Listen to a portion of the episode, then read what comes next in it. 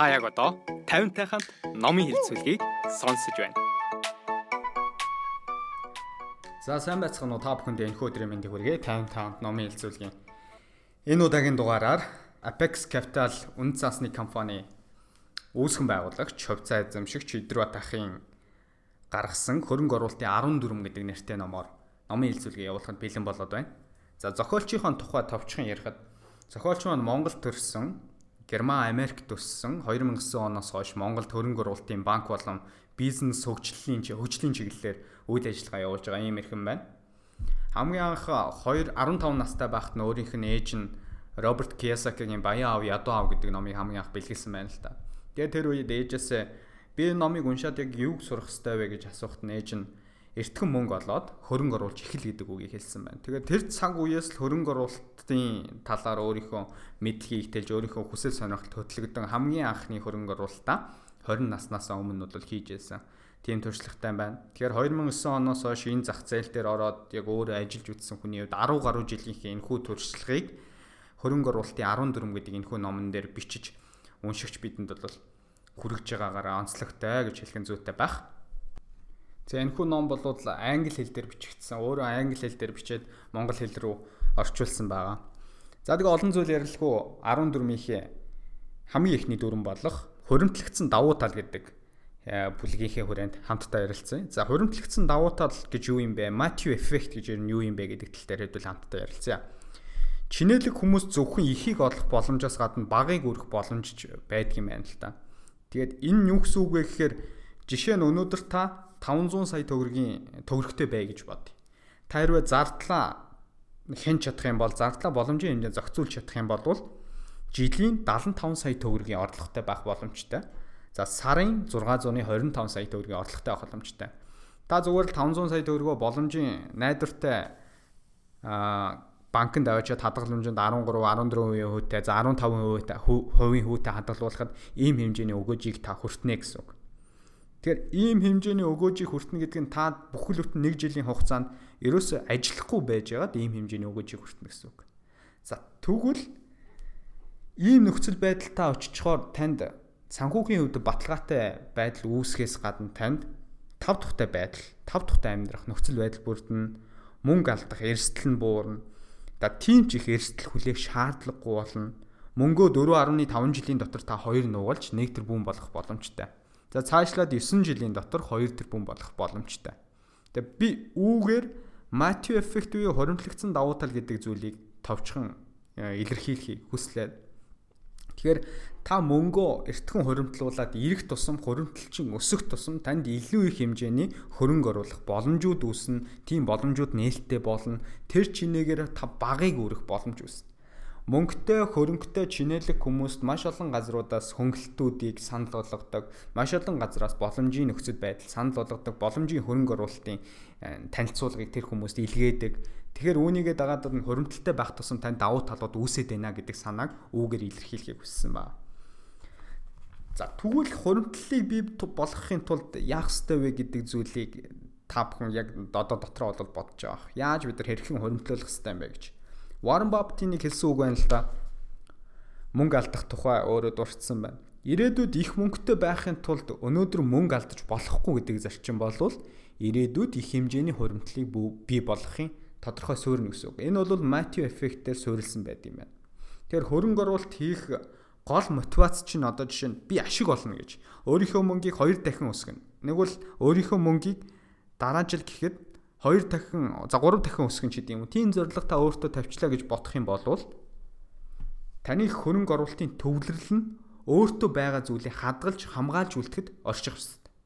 Ихэнх хүмүүс мөнгөө өсгөн гэдэг мотивацтай хөтлөгдөөд төвлөрлөө мартаж хэрэгтэй. Би мөнгөө өсгөн гэж дотроо бодож байгаа хэрнээ өнөөдрийнхөө олсон мөнгөө би тэгвэл алдахгүй тулд хамгаалж үлдэх хэрэгтэй гэдэг зүйл чинь давхар явж явах хэрэгтэй байхгүй юу? Тэгэхээр энэ хоёрынхоо балансыг барьж иж бид нэр өнөөдөр зөв хөрөнгө оруулалт хийж 5 жилийн дараа юм уу 2 жилийн дараа өөрийнхөө зорьсон зорилго дээр очих боломжтой.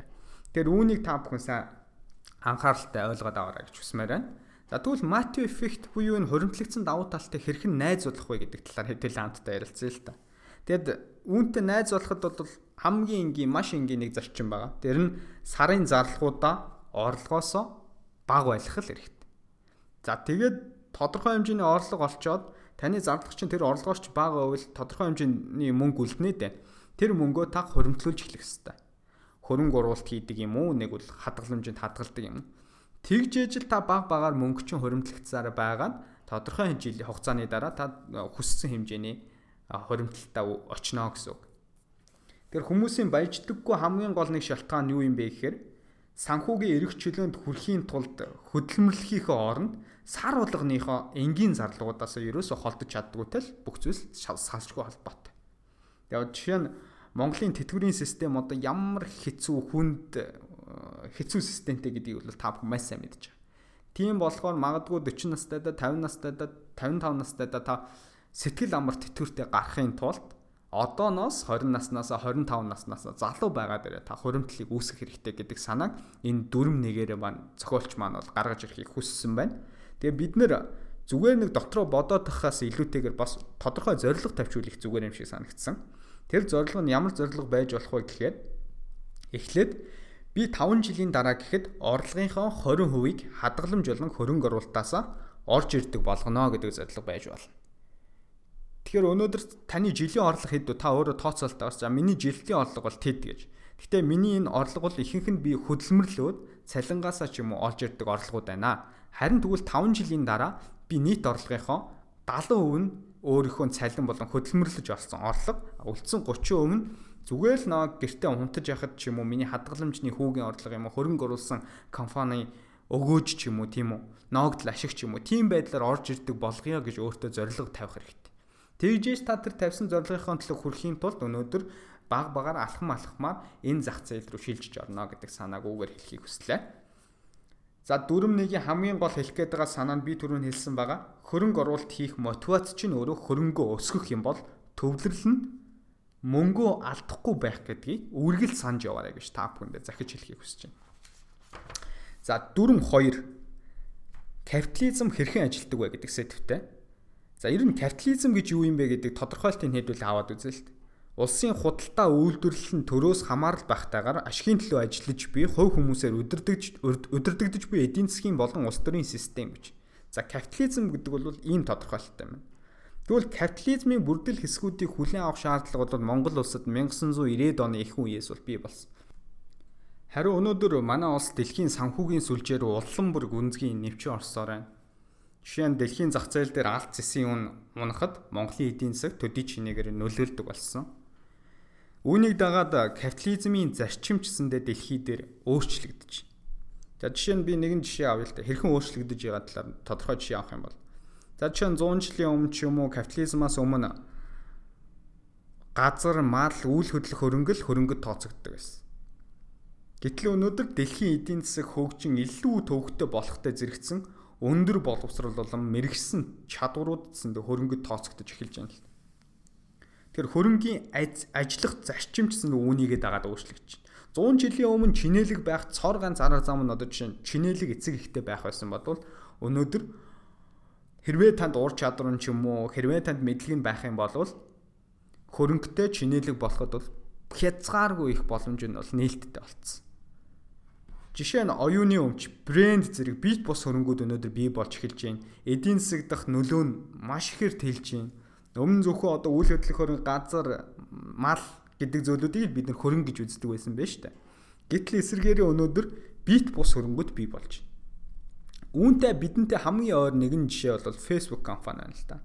За Facebook компани үнэлгээг жишээ нь 100 жилийн өмнө байсан капиталистыг авчираад үнэлгээг нь хийгээч гэж хүсэх юм бол тухайн Facebook компани газар үйл хөдлөх хөрөнгө юу офисын барилгууд за ердөө энэ хэдэн зүйлийн үнэлэл тодорхой хэмжээний үнэлгээ гаргаж ирэх байсан байна.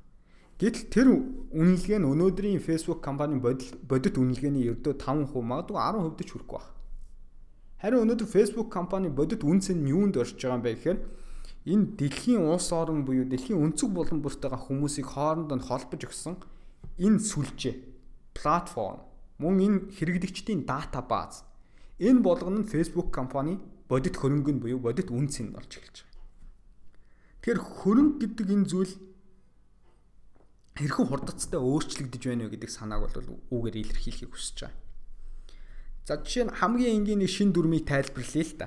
Америк, Хятад зэрэг хөгжингүй орнуудад хамгийн хуучин бизнес тооцогддог тооцогдох үл хөдлөх хөрөнгийн бизнес ч мөн өөрчлөгдөж байна л та.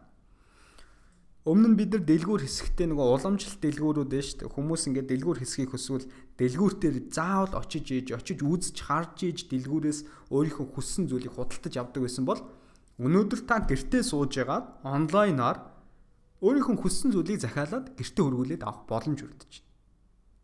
Тэгэд энэ энэ өөрчлөлт нь буюу энэ зах зээлийн өөрчлөлт нь юу бий болгож байна гэхээр үйл хөдлөх хөрөнгийн зах зээлийг нэгсэн доо хумж эхэлж байна. Хүмүүс дэлгүүр ажилуулах шаардлагагүйгээр өнөөдөр код бичээд өөрийнхөө төр аппликейшнийг илүү хөгжүүлэхэд хүмүүс мөнгө зардаг болж байна. Программист хөлсөлөхөд хүмүүс илүү мөнгө зардаг болж байна. Зүгээр үйл хөдлөх хөрөнгийн опс худалдаж аваад юм уу опс түрээсэлж тэндээ ажиллахаас илүүтэй хүмүүс код бичих, тэр программыг хөгжүүлэх, тэр аппликейшнийг хөгжүүлэхэд хүмүүс маш ихээр мөнгө зардаг болж байна. Тэр бүх зүйл ингээд нэг л мэдхэд тодорхой хугацааны дараа хувьсан өөрчлөгдөж байгааг та бүхэн энэ жишээнээс харж болно. Бүр нэг сонирхолтой жишээ хэлэхэд зах зээл яагаад өөрчлөгдөж байгааг нэг батлах дараагийн нэг жишээ нь 10 жилийн өмнө томоохон групп компаниудад эвдэрсэн компьютер, вирус болон интернет холболт, програм хангамж татаж авах зэрэг зэрэг тиймэрхүү шаардлагын хүрээнд л цөөн тооны IT инженерүүд хэрэгтэй байсан бол IT мэрэгчлэтнүүд хэрэгтэй байсан бол өнөөдөр зөвхөн IT-ийн салбар гэлтгүү шин техник технологиг өөрийнхөө компанид бий болгож байгаа, өөрийнхөө компанид суйрлуулж байгаа компани болгонд маш олон тооны IT-ийн мэрэгчлэтнүүд хэрэг болцсон. Тэр хүмүүсийн хэрэгцээ шаардлага нь 10 жилийн өмнөхөөс маш ихээр өссөн. Тэгээ залуу мэрэгчлэтнүүдийн хувьд ч зөндөө өнөөдөр дижитал чадварыг дизайн одоо дизайн, дижитал эвлүүлэг, видео эвлүүлэг, зураг засварлах зэрэг ийм хэмжээний мэдлгүүдийг бол зайлшгүй бүр эзэмших шаардлага бий болчиход байна л та.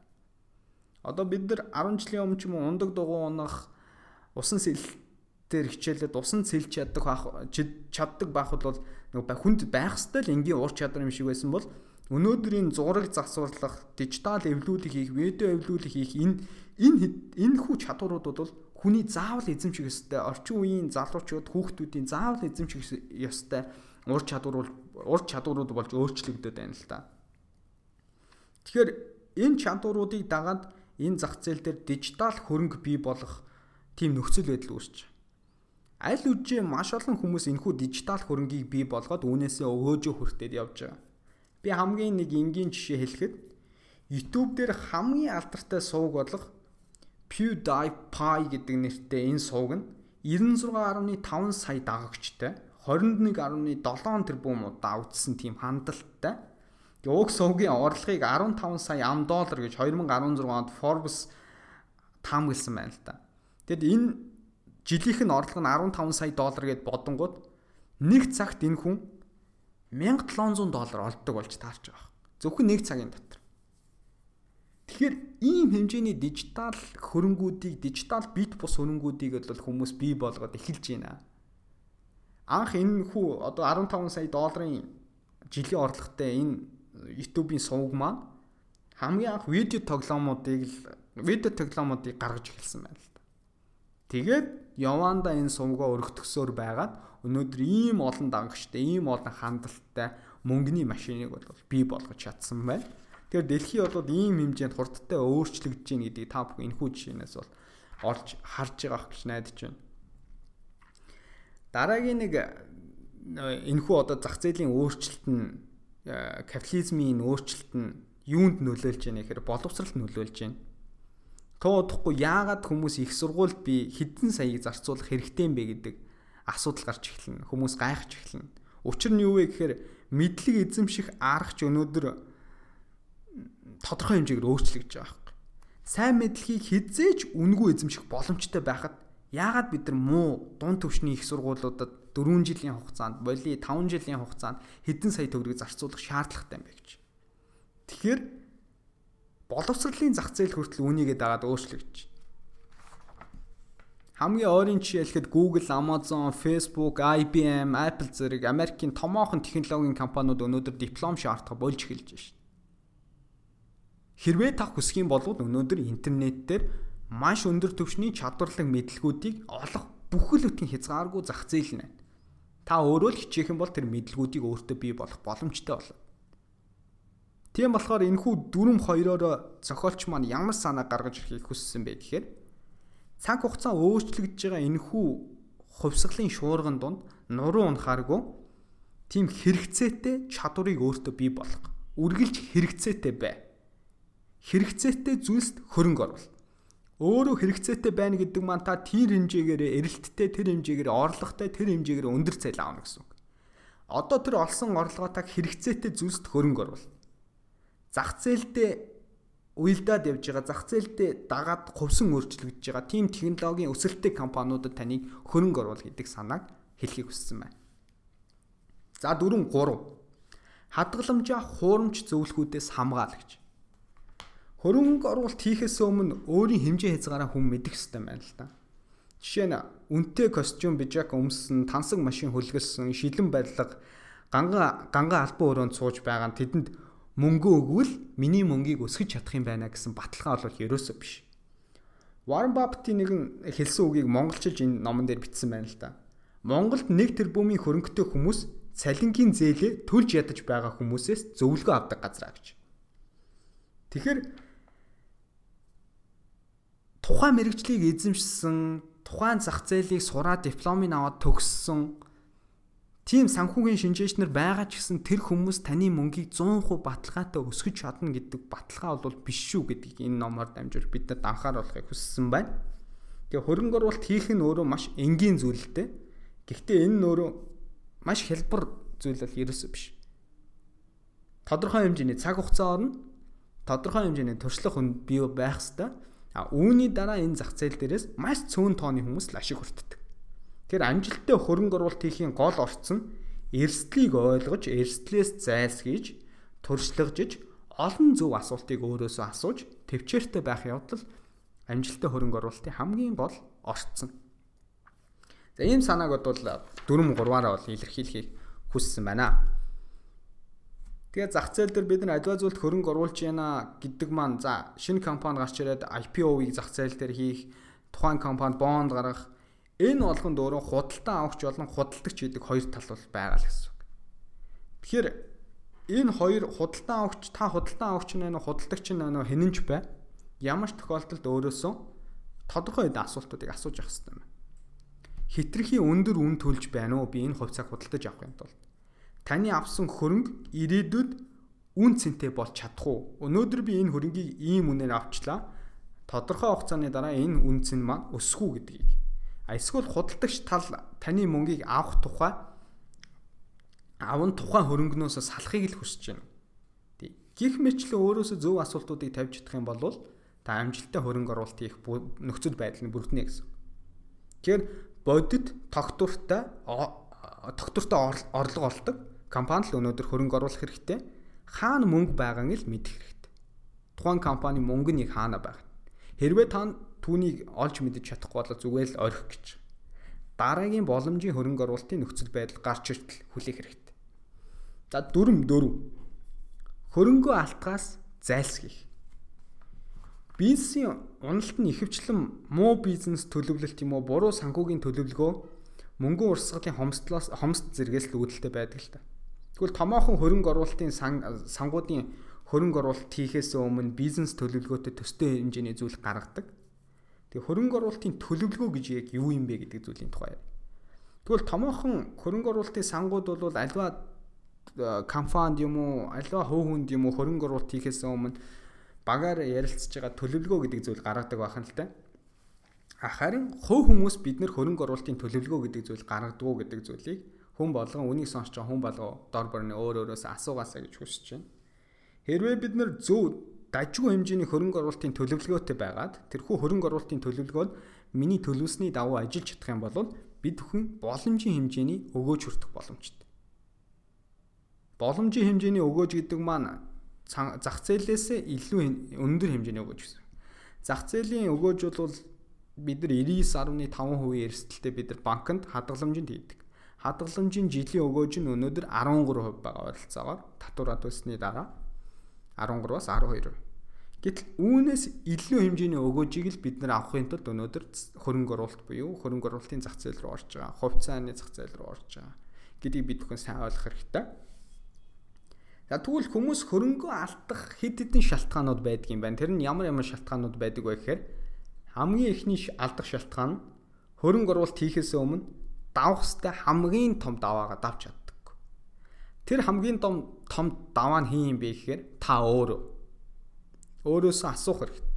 Хэрвээ би мөнгө алдах юм бол эргээгээд энэ зах зээл рүү орох хэмжээний нөөц мөнгө надад байгаа юу гэж асуух. Би ийм хэмжээний эрсдлийг даагаад орох ороход бэлэн байна уу? Магадгүй хувьцаа унж яхад би тэрхүү хувьцааг худалдаж авах хэмжээний зоригтой юу? Над тийм төвчээр байгаа юу?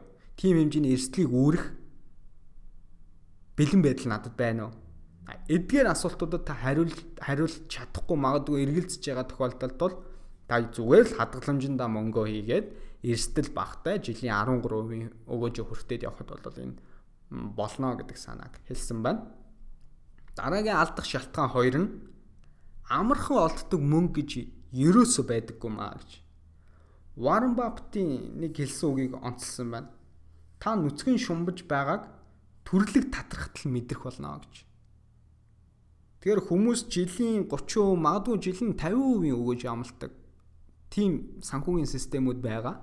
Тэр нь юу гэж нэрлэдэг вэ гэхээр лөөврийн сүлжээ гэж хэвчл нэрлэдэг. Зарим хүмүүс таны мөнгийг би жилийн дотор хоёр дахин нуглаад өгье те 100% өгөөжийг би танд амлаж байна.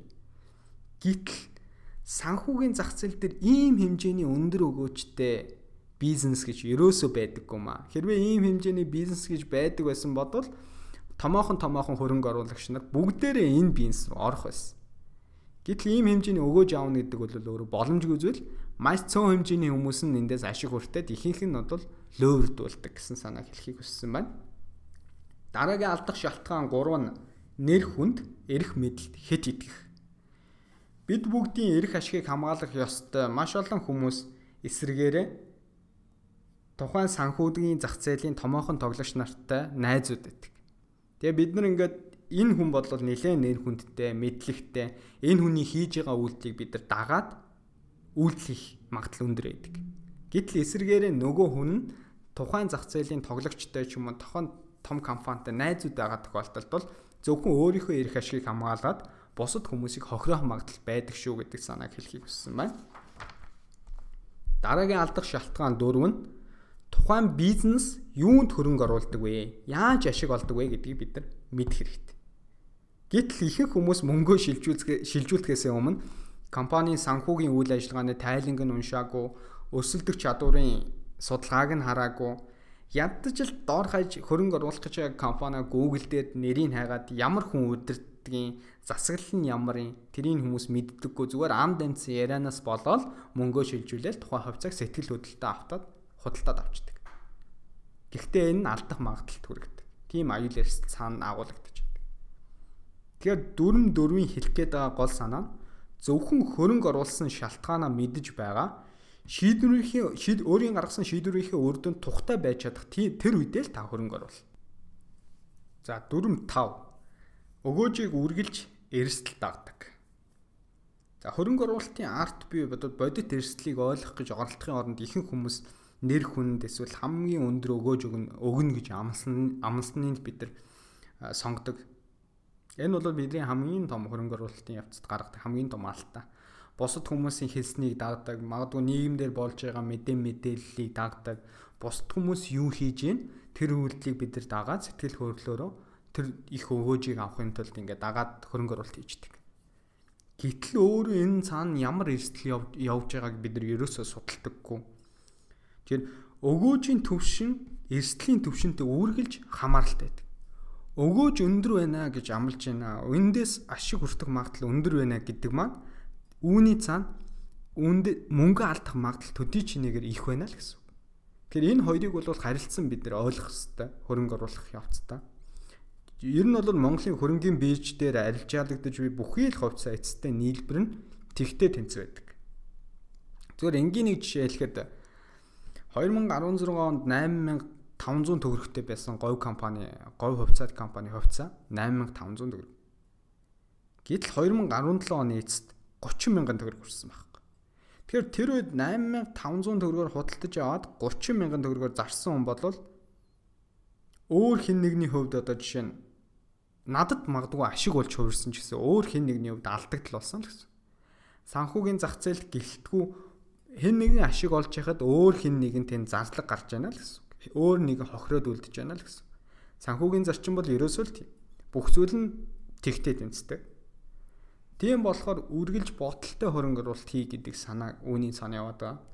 Тэгээ ирээдүйн өгөөжийн хэмжээ нь хөрөнгө оруулагч хэр их хэмжээний эрсдлийг нуруунд дээрээ үүрх вэ? Нуруунд дээрээ үүрхийг одоо хүлийн зөвшөөрч байгаатай бол шууд эерэг хамааралтай. Эцсийн эцэд бол та хөрөнгө оруулах гэж байгаа хүн нь бол та, мөнгөний эзэн нь бол та. Харин эсрэг талчин болоод таны мөнгийг л үнэндээ авахыг хүсэж байгаа. Тэгээ сайн бодох хэрэгтэй. Яаралгүй дүн шинжилгээ хийгээд, яаралгүй судалгаа хийгээд тэгээд тодорхой хэмжээний судалгааны дараа та өөрийнхөө мөнгөө юунд хөрөнгө оруулах вэ гэдэг дээр шийдвэр дээр шийдвэр гаргах нь хамгийн тохиромжтой.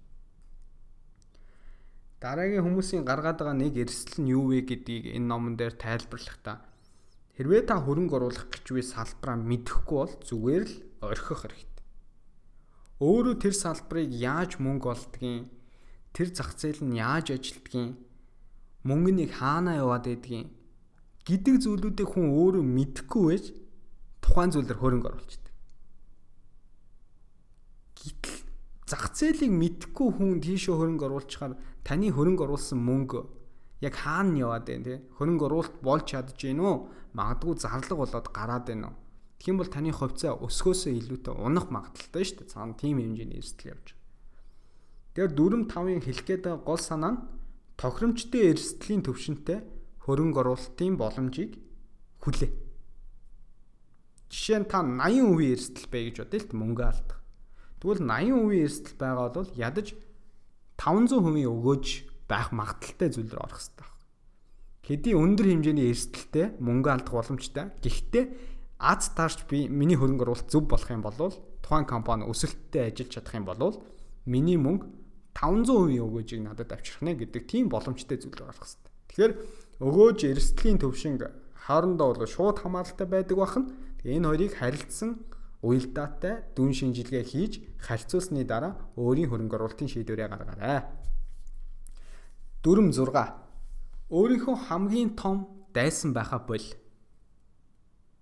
Жишээ нь эдийн засгийн циклийг хэдүүдээ хамтдаа ойлгоно л д. Эдийн засгийн цикл ер нь яаж явагддаг? Эдийн засгийн өсөлт уналт ер нь яаж явагддаг гэж. Эдийн засаг тодорхой хугацаанд өслөө. Тодорхой хугацааны дараа унах үе ирнэ.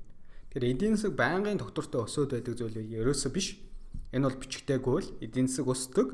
Тодорхой хугацааны дараа буцаад ундаг. 2016 оны хямралын доод цэг дөхөж исэн үе юм байна л та. Монгол улс ч одоо тэр сонгуулийн дараа долларын ханш яаж огцсон мөсөв та бүхэн бүгдээрээ байгаа. Тухайн эдийн засгийн хямрал дөхөж исэн тэр үед амжилттай одоо капиталист болоод хөрөнгө оруулагчид мөнгөө эрсдэлд оруулахаа болж хамгийн муу үе өнгөртөл те тэрхүү хамгийн хүнд үеуд ингээ өнгөртөл мөнгөө доллар төгрөгөө доллар болгож ясан банкны хадгаламж эсвэл засгийн газрын бон зэрэг хамгийн аюулгүй хэсгүүдэд мөнгөө байршуулж байсан. А харин эсэргээрээ тухайн хямралын үед зөвхөн цалингаас хамааралтай зөвхөн цалингийн орлоготой хүмүүсийн хувьд бол маш хүнд байдалд орсон. Өөрийнхөө зарлагаа дийлхээ болсон. Өөрийнхөө зарлагаа дарахын тулд орлого нь хүрэлцгээ болсон. Тэгээд зээл тавьсан, зарим нь бүр машина зарсан, байраа зарсан, тийм хэмжээний эрсдэлтэй байдлууд бол зөвхөн цалингийн орлоготой хүмүүст бол бий болсон. Тэгэхээр энэ хүмүүст ерөөсөн хамгаалалт байхгүй байна гэсэн. Зөвхөн цалингийн орлоготой хүмүүст бол хизээ нэгэн үед эдийн засгийн хямралд агаад ирэхэд тэр хүмүүст хамгаалах хамгаалт байхгүй байдал нь тухайн хүмүүсийг хамгийн хүнд нөхцөл байдалд оруулдаг.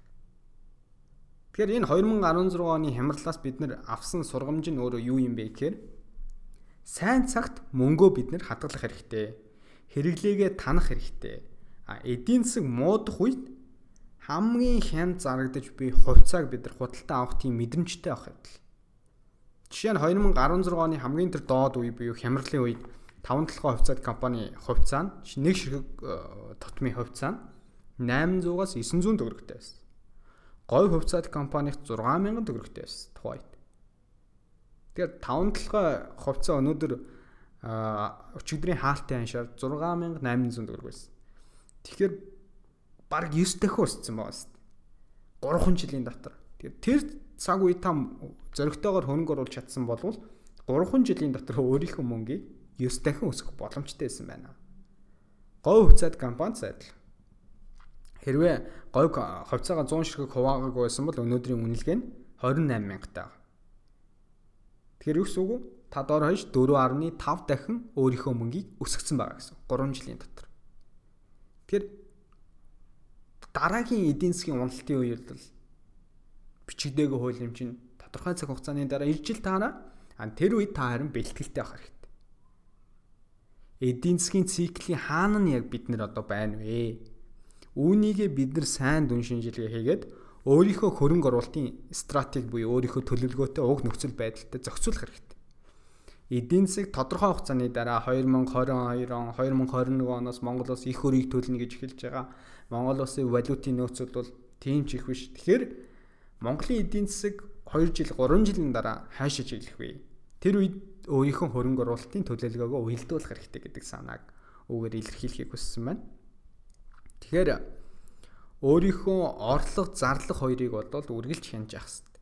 Орлого зарлах хоёр бол нэг зоосны хоёр тал. Тийм болохоор сайн цагт өөрийнхөө зарлагыг хянаад орлогоос бага зарлагыг бий болгоод тэрхүү зөрөө мөнгийг та хуримтлал бий болгох, эсвэл хөрөнгө оруулалт хийх. Тиймэрхүү зүйлд бий болох хэрэгтэй. Тэгэхээр тэр хуримтлуулт эдийн засгийн нөгөө тогтвортой буюу сайн цагт бий болгож чадсан тэр шийдвэрүүдтэй тэр хуримтлал болон тэр хөрөнгө оруулалт танд хүнд нөхцөл байдал ирэхэд таныг хамгаалж үлдэх хан болно.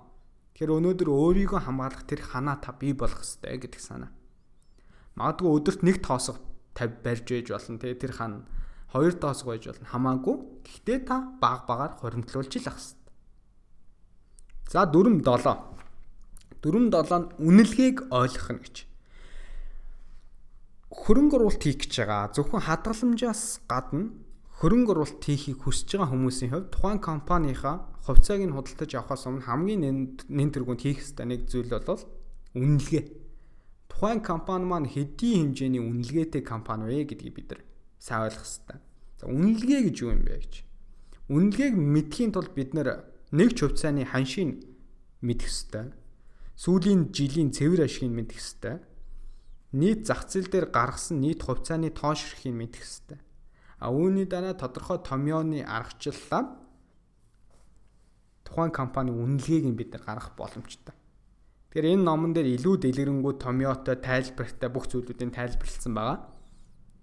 Тэгэхээр та энэ ном номыг худалдаж авах юм бол энэ номон дээрээс нь илүү нарийн мэдээллүүдийг томьёог нь бол олж хараад өөрөө Монголын зах зээл дээр арилжаалагдж байгаа компаниудын хувьцааг үнэлгээг нь та хийх бол бүрэн боломжтой гэсэн үг. Үүнийг бол үн ашигын харьцаа гэж бодвол нэрлэдэг. Энэ нөөрэ хамгийн энгийн үнэлгээний арга л да. За дараагийн зүйл нь бол компани үнэлгээний тухай байна. Тэгээд энэ компаниг хэд хэдийн юм үнэлгээнүүд байдаг. Ямар ямар үнэлгээнүүд байдгүй тэр болгоныг ингээд тайлбарлалцсан. Томьёоны аргачлал энэ дээр байгаа. Тийм болохоор үүнийг ингээд томьёо томьёо байдлаар та хэдэд ярил а магадгүй ойлгохдохгүй бах. Яг ингээд номон дээрээс нь хараад томьёог нь харж байгаад өөрөө унших юм бол илүү ойлгомжтой байх болов гэж миний хувьд бодож байна. За тэгвэл үнэлгээг ингээд орхиод дараагийн хувьцааг худалдаж авахаас хийх ёстой нэг тоо баримт гэх юм уу? Тэр нь бол мөнгөн урсгалын хорогдуулалтын загвар гэж. Энэ нь юу гэсэн үг вэ гэхээр мөнгөний үн цэнээс шалтгаалаад дараагийн 10 жилд таны 125 мянган төгрөг өнөөдрийн 125 мянгантай тэнцүү биш ээ. Инфляц болон хүүгийн төвшингээс хамаарат өнөөдрийн 100 мянган төгрөг 10 жилийн дараа 100 мянган төгрөг бол эс өөр үнэлгээтэй байна. Тэгэхээр үүнийг тооцож үзэхийн тулд мөнгөний мөнгө урсгалын хорогдуулалтын загвар гэдгийг бол ашиглалт юм байна. За бас бол тодорхой энэ томьёотой байгаа, аргачлалтай байгаа. Тэгээ үнэлгээг бол тооцохдоо заавал мөнгө урсгалын хорогдуулалтын загварыг бол ашиглаж ээж илүү бодит үнэлгээ бол гарах боломжтой байдаг. Тэгэхээр үүнийг бас номон дээрээс нь та бүхэн томьёог нь харж агаад өөрөөсөө бас нэг компани компаниг сонгож аваад үнэлгээг нь хийхэд бол илүү сайн ойлгох болоо гэж бодож байна. Тэгэхээр альва хөрөнгө бизнес хувьцаанд бол ямагт илүү төлөхөөс бол зайлсхийх хэрэгтэй. Зах зээл дээр арилжаалагдж байгаа ихэнх компаниуд зарим нь нэг нэг ширхэг хувьцааны үнэ нь бол хөөсөрсөн байдаг. Та тэгэхээр магадгүй тэр хувьцааг худалдаж авахд хитрхи илүү үн төлж яах гэсэн байна.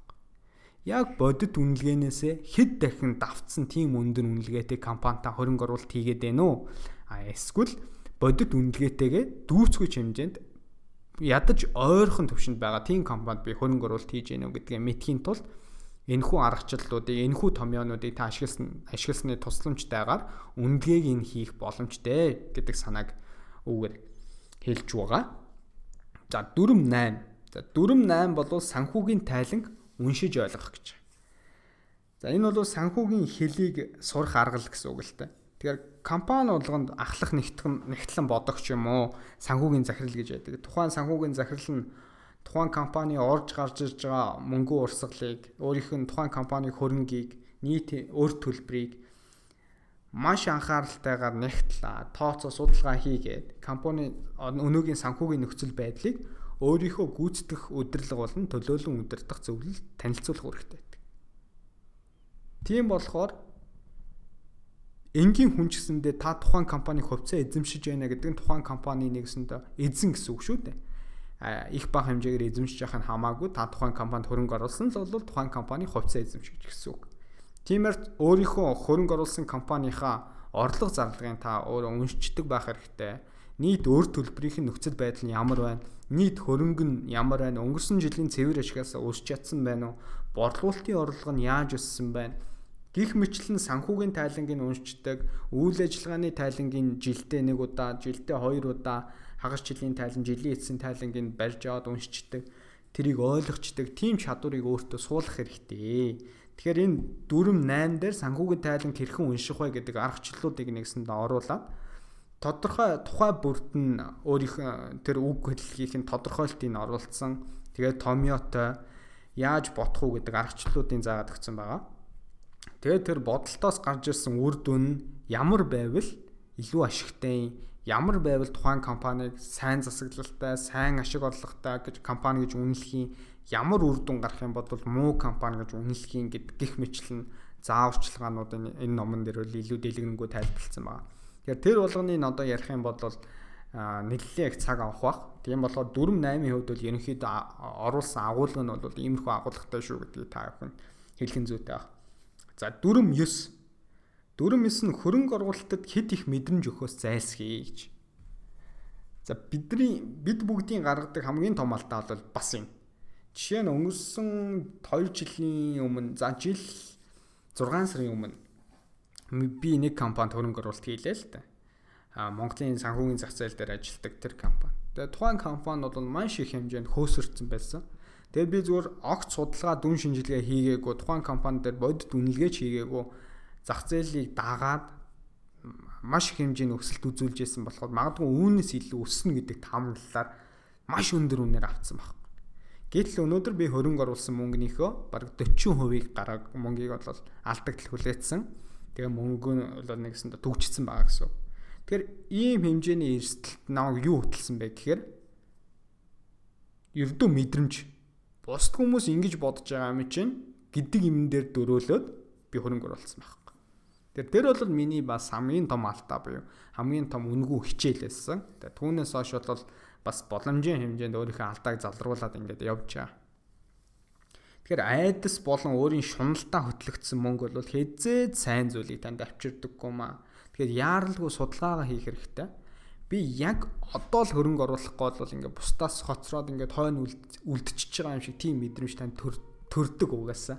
Гэхдээ тэр зүйлд бол ерөөсөө автаж болохгүй. Өөрөө дүн шинжилгээгээ хийх ёстой, таамаглалаа гаргах ёстой харин таны таамаглалтай зах зээлийн үн ойролцоо төвшөнд очиж гинүү гэдгээ та өөр дүн шинжилгээ хийснийхээ дараа өөрийнхөө шийдвэрийг бол гаргавал илүү зохимжтой гэж хэлхэн зүйтэй байна.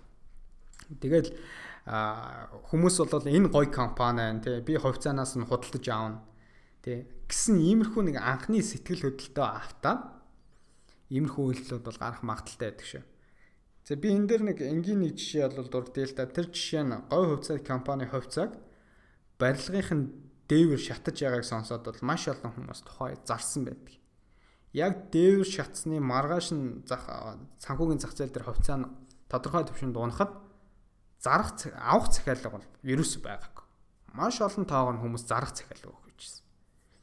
Гítэл говь хувьцаат компани тодорхой хугацааны дараа хувьцаагаа хуваах шийдвэр гаргасан. Харин гítэл энэ хуваах шийдвэрийг сонсчоод маш олон хүмүүс эргээгээд худалдаж авсан байдаг.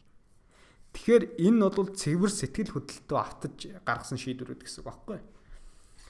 Ердөө хоорондоо бол тодорхой хугацааны ил зөрүүтэй гаргасан шийдвэрүүд. Гэтэл тухайн компани шат дээвэр шатж байгааг нь сонсоод зарж гин хувьцаагаа хуваана гэдгийг сонсоод авж гин. Тэгэхээр энэ бол цэвэр мэдээлэл дээр үндэслээд тухайн хүмүүс сэтгэл хөдлөлтөө автаад иймэрхүү шийдвэрийг гаргаж байна гэсэн.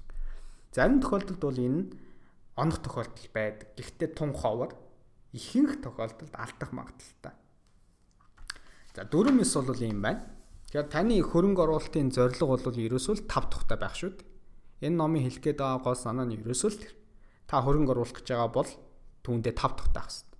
Гэтэл хөрөнгө оруулчаад өдөр шөнөгүй нөгөө хувьцаагаа хараад өсөж гин унж гин гэж шөмж унтаж чадахгүй маргааш өглөөнд босоод нөгөө хувьцаагаа хардаг тийм хэмжээний дарамтанд өөрийгөө аваачих юм бол тэр бол буруу юм аа. Тийм болохоор та өөрийнхөө хөрөнгө оруулах гэж байгаа зүйлдээ тав тухтай байх хэрэгтэй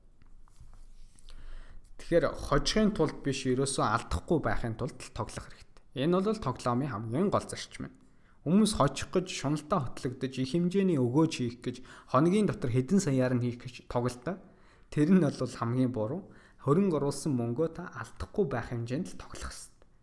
Үүнийг барьж чадах юм бол та бага хэмжээний эрсдэл хүлээн тэдний чинээгээр тодорхой хэмжээнд өөж хүртэх боломжтой. Тэгэхээр ашгаа бага зэрэг нэмэгдүүлээд зарлага та бас түүнийгээ дагаа нэмэгдүүлцдэг бол бас хэрэггүй. Дээрх зөвлөгөөнүүд танд ерөөсөө ажиллахгүй гэсэн. Ихэнх хүмүүс тодорхой хэмжээнд орлого нь өсөөд ирэхээр ч юм уу хувьцаанаас өгөөж хүртээд эхлэнгүүд зарлага нэмэгдүүлчихдэг. Өө би ийм хэмжээний орлого нэмэгдсэн юм чинь энэ нэмэгдсэн орлогоороо би ийм юм авчий гэдээ өөртөө хэрэгцээгүй зүйлс зарлага гаргаж эхэлдэг. Нэмэлт зарлага. Тэгэхээр нэгсэндээ өмнө нь байсан байдалтайгаа та яг л нэгin хэвийн байдалд эргээд очиж байна гэсэн. Тэгэхээр зарлага хянана гэдэг бол бас хөрөнгө оруулалтын нэг том гол зарчим шүү. Таны орлого нэмэгдэж байгаач зарлага бол та ерөөсөө нэмж болохгүй. Тэгжээш таны өсөлт дэвшил чинь бодит хэмжээгээр санхүүгийн өсөлт чинь бодит хэмжээгээр танд харагдана гэсэн үг. За хамгийн сүүлийн дүрм энэ бол дүрм 10 хөрөнгө оруулалтын шалгуур жагсаалт гэж. Тэгээ энэ номон дээр маш олон хөрөнгө оруулалтын шалгуур жагсаалтуудыг болол дурдсан байна. Тэгээд энэ номны арталт одоо хөрөнгө оруулалт тухайн компанид хөрөнгө оруулалт оруулахаас өмнө та өөртөө ямар ямар асуултуудыг тавих хэрэгтэй юм бэ гэдэг асуултуудыг тавьсан байна. Тэгэхээр энэ номыг аваад та хөрөнгө оруулалттай холбоотой энэ шалгуур чагсаалтуудыг бол харж болох бах. Танд илүү амар болох үүднээс нь бол тэр бүх асуултуудыг нь бол чагсаагаад өгсөн байна номынхаа хамгийн арталт. Тэгэхээр хөрөнгө оруулалтыг зөвхөн тоон дээр үндэслэн хийх үе бол биднэрт байдаг. Гэхдээ заримдаа мөн амжилттай хөрөнгө оруулалтын бий болгох түүхийг бид нэр судлах хэрэгтэй. Зөвхөн тоо бодоол айн ашиггүй юм байна гэдээ бас хөрөнгө оруулалтаас хойш суугаад авах бол нэг талаасаа өрөөсгөл Монголын санхүүгийн зах зээл дээр бас үзүүлэлт нь боломжийн а гэхдээ бас тухайн компани маркетинг тухайн компани хөрөнгө оруулалтын түүхүүдийн судалж үзээд тэрэн дээрээс хамааруулж хамааруулж дараагийнхаа бид нар шийдвэрийг гаргахад бас илүү төхөн байдгийн шүү. Тэгэхээр маш олон зүйлүүдийг хамтдаа ингэж дүн шинжилгээ ээж, олон талын мэдээллүүдийг харьцуулж өөрөөсөө маш олон талын асуултуудыг асууж ээж хамгийн эцэс сүлд нь төвчээртэй байсны үр дүнд хамгийн ашигтай хөрөнгө оруулалтыг хийх болцоотой гэдэг санааг хэлхийг хүслээ. За 4 10 бол 4 10 14 бол та бүхэнд аруулаа бол ерхэд бол ойлгогдсон байх, тодорхой болсон байх гэдэг зүйл тодорхой болсон байх гэдэгт бол найдаж байна. Тэгээ энэ номыг эцэст нь төгсгөлд нь ингээд дүгнээд хэлэхэд яг энэ номыг уншсан хүнд юм уу энэ номноос хэлэх гээд байгаа гол санаа нь юу юм бэ гэхэд би нэг гурван асуултыг хэлээлээ. Тэгээ энэ гурван асуултын хариултыг бол энэ номноос та олж авч чадах байхаа гэдэгт бол би итгэлтэй байна. Энэ номыг бол хоёр удаа уншсан би. Хамгийн ихний асуулт нь санхүүгээ хэрхэн зөв удирдах хөрөнгө оруулах илүүдэл хөрөнгийг бий болох вэ гэж. Нөгөө л хэлсэн сарын орлого чинь одоо жишээ нь 2 сая гэж бодоход таны сарын зарлах хэд вэ? Бид нар зарлагаа тооцох хэрэгтэй. Зарлах чинь 2 саяасаа даваадах юм бол та хязээж хуримтлалыг бий болгож чадахгүй. Тэгээд дор хаяж зарлагаа өөрийнхөө орлогоосоо бага түвшинд барьж иж илүү гарсан тэр мөнгөө хоримтлуулах хэрэгтэй. Ер нь бол хамгийн энгийн нэг зарчим бол өөрийнхөө сарын орлогоос та эхлээд хадгал дараа нь үр гэдэг л зарчим шүү дээ. Тэгэхгүй бид хүн үрж үрж ягаад өө хадгалах гэсэн чинь мөнгө үлдсэнгүү гэдэг том асуултанд очдог. Тэгэхээр энэ бол байж болохгүй зөрчил гэх юм уу? Хов хүнд байж болохгүй. Ерөөсөө тийм болохоор айл болох эртгэн хөрөнгө оруулж эхлэе. Эртгэн хуримтлалыг бий болгож эхлэе. Хой суугаад байлгүй, өөртөө шалтгаан гаргаад байлгүй, хуримтлалыг бий болгоо. Хэрвээ танд хуримтлуулах үнэхээр боломж авахгүй зарлагт нь өндөр байгаадах юм бол өөр орлого олох мөнгөний их усрыг хаах хэрэгтэй давхар ажил хийдэг юм уу? Нэг бол дижитал бит бос хөрөнгийг өнөөдөр бий болох хэрэгтэй гэдэг санааг би та бүхэнд хэлье. Өнөөдөр хүмүүс YouTube дээр өөрийнхөө сувг нээж гэн, Instagram дээр олон дагагчтай болохыг зорж байна. Энэ нь цаана ямар зорилго яваад байгаа юм бэ гэхээр дижитал бит бос хөрөнгийг энэ хүмүүс бий болгож байгаа хэрэг.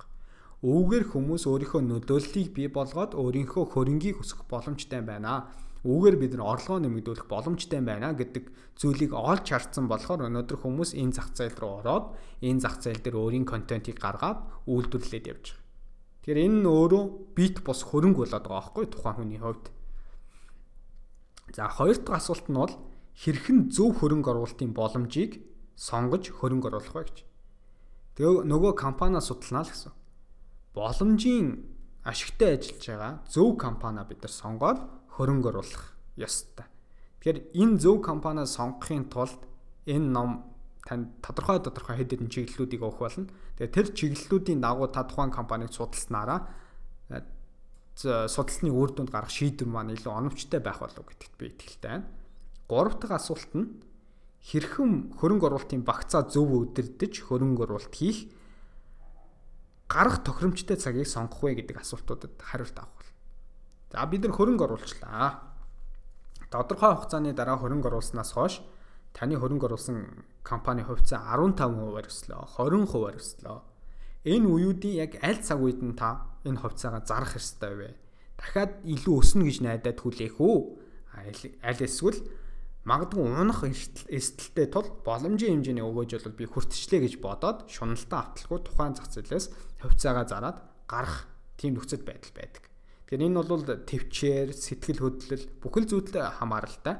Тухайн зах зээлийг судлах хэрэгтэй, мэдээ мэдээллийг боловсруулах хэрэгтэй. Тэгэхээр иймэрхүү асуултуудад танд хариулт өгнө гэдэгт бол би найдаж байна. Тэгээ энэ удаагийн дугаартай хамтдаа байсан та бүхэнд маш их баярлалаа. Тэгээ энэ удаагийн номын хилцүүлэг маань та бүхэн таалагдсан гэдэгт итгэлтэй. Тэгэхээр подкастын төгсгөл та бүхэнд нэгэн сонирхолтой зүйлээ хэлхийг хүслээ. Тэгээ дуустал нь сонссон хүмүүс бол энэ боломжийг хүртэх боломжтой.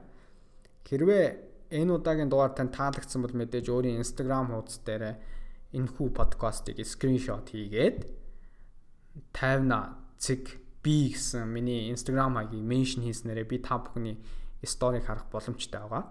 Тэгээ би нэгэн уралдаан зарлая. Нийт 5 азтан шалгаруулна. 5 азтан шалгаруулад Apex Capital үнэн цаасны компани үүсгэн байгуулагч Идрват ахын гаргасан хөрөнгө оруулалтын 14 гэдэг энэ номыг 5 хүнд би бэлэглэе гэдэг саналтай байна. Тэгэхээр тоглоомын дүрэн бол маш амархан. Та энэхүү подкастыг скриншот хийгээд өөрийн Instagram хуудас дээр миний Instagram хаягийг меншн хийгээд Тэгээ өөрийн сэтгэлдээ бичвэл бүр сайн. Сэтгэлдээ бичихгүй зүгээр скриншот хийсэн, хийгээд тавьсан ч болно. Тэр аль нь ч хэлсэн бол нээлттэй. Та тэгээд хэдийн хэмжээнд скриншот хийн төдий чинээ ацтан болох боломж нэмэгдэнэ гэсэн үг. Тэгээд таны скриншот хийх болгоны чинь намайг намайг меншн хийсэн байгаа болохоор би харах боломжтой. Тэр болгон дээр нь би таны скриншотыг өөртөө хадгалж аваад уралдаа маань дуусны дараа бүх скриншот шот скриншот хийсэн хүмүүсийн листийг чагсаалтыг гаргаж агаад рэндом байдлаар 5 хацтан шалгаруулнаа. Тэгээ 5 хацтандаа энэ хөрөнгө оруулалтын 14 гэдэг энэ номыг бэлтгэх байгаа. Тэгээ аль болох би 10 жилийн хүүхдүүд юм уу, оюутнууд юм уу нэг өөрсдөө дөнгөж хөрөнгө оруулалт хийж эхлэх гэж байгаа энэ зах зээл рүү хөл тавьж байгаа тийм хүмүүс байвал астан болоосаа гэж үсэж байна. Гэхдээ ялгаагүй аль нь ч хийсэн хамаагүй л тодорхой тийм шаардлага байхгүй. Тэгэхээр уралдаа маань 6 сарын 16-ны өдрөөс өнөөдөр ингэж явагдаад 7 сарын 4-ний өдөр шалгарах байгаа шүү. Тэгэхээр 7 сарын 4-ний өдөр 5 азтнаа шалгаруулад 5 азтандаа би энэ номыг бэлэглэх байгаа. Тэгээд энэ хүртэл хамтдаа байж энэ хүртэл энэ энэхүү дугаарыг сонссон, төвчээртэй сонссон та бүхэн маш их баярлалаа. Ингээд дараа дараагийн дугаараа дахин уулзтлаа. Түр баярлалаа.